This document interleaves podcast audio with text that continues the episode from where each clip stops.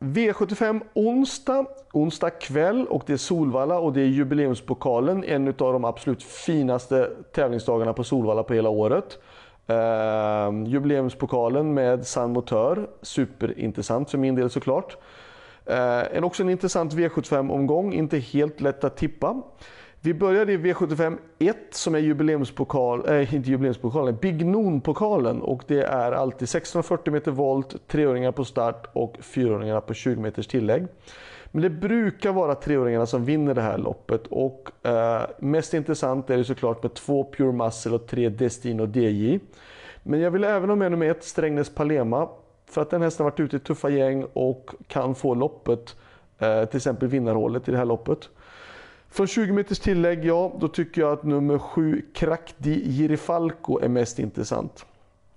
V75 2.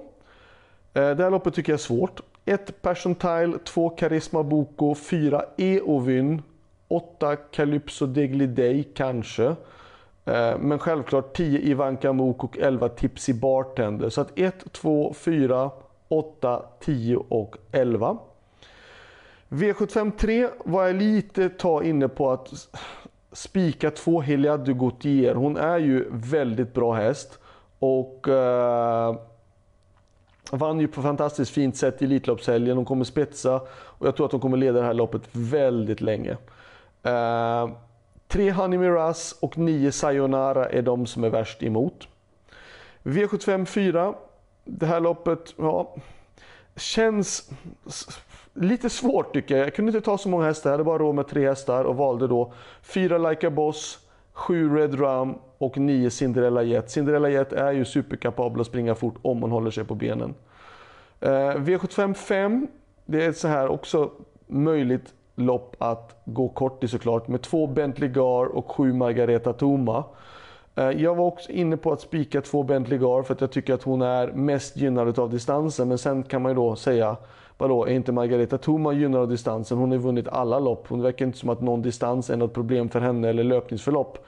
Eh, så det är klart att det är svårt att gå emot. Men jag tycker att, att två Bentley Gar har visat extremt hög kapacitet.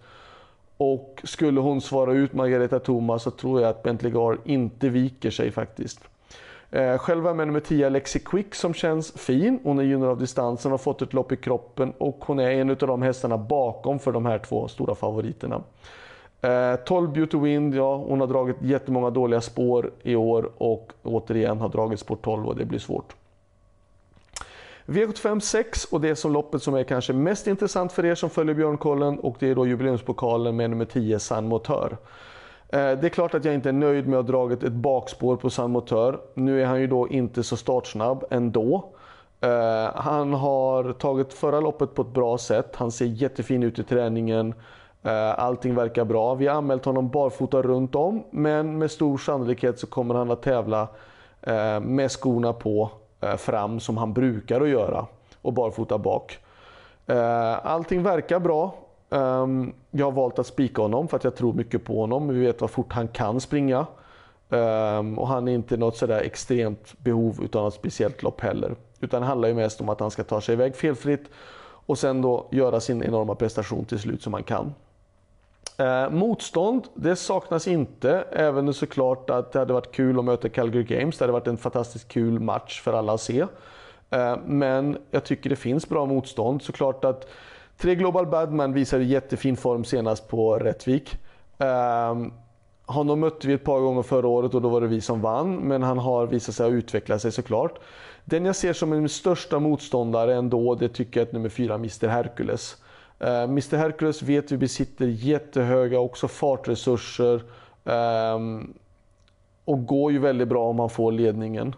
Um, finns det någon mer? Ja, ett Cicero Tegio är bra. Ehm, vi mötte honom på Åby då, då vann vi. Ehm, men det är också en häst som är kapabel. Ehm, om jag nu ska ranka loppet så tycker jag då typ att 10 Samotör är ett spikförslag. Sen rankar jag 4 Mr Hercules, 9 Önas Prins eh, och eh, 3 Global Badman, 1 Cicero TG. Det är den om jag nu ska ranka dem sinsemellan. Men jag tror såklart mycket på Samotör och har valt att spika honom i Björnkollen. V75 7 Um, långlopp som avslutas, intressant sådant. De bästa eller mest intressanta hästarna tycker jag står på start. Eh, det som jag kan tycka är lite extra intressant i den här avdelningen det är den att det är väldigt många som har ändrat lite grann i balanserna. Um, det, man tittar på balanserna, så ser på skobalansen, vissa är rödmarkerade, det betyder att det är en ändring mot förra gången. Eh, men jag kan tycka då att ett Bitcoin Dark ska visserligen gå med skor bak, men jag kan tycka att han är bra. Eh, två Kainai Goy, Ljuses hästar har visat bra form. Eh, och den här hästen ska gå barfota runt om, det gjorde den inte senast. Tre King Cole ska gå barfota runt om, det gjorde den inte senast. Fyra Versace Face är det samma balans på, han ska med. Och sen då för 20 meters tillägg så vill jag ta med nummer 9 Viking Brodde också.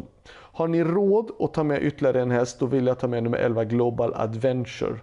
1, 2, 3, 4 och 9 och då kanske om ni vill då eh, har tid eller har råd nummer 11 Global Adventure också. Så det var allt. Lycka till och sen så hörs vi med V75 på lördag. Då är det Örebro som gäller. Ha det bra. Hej då!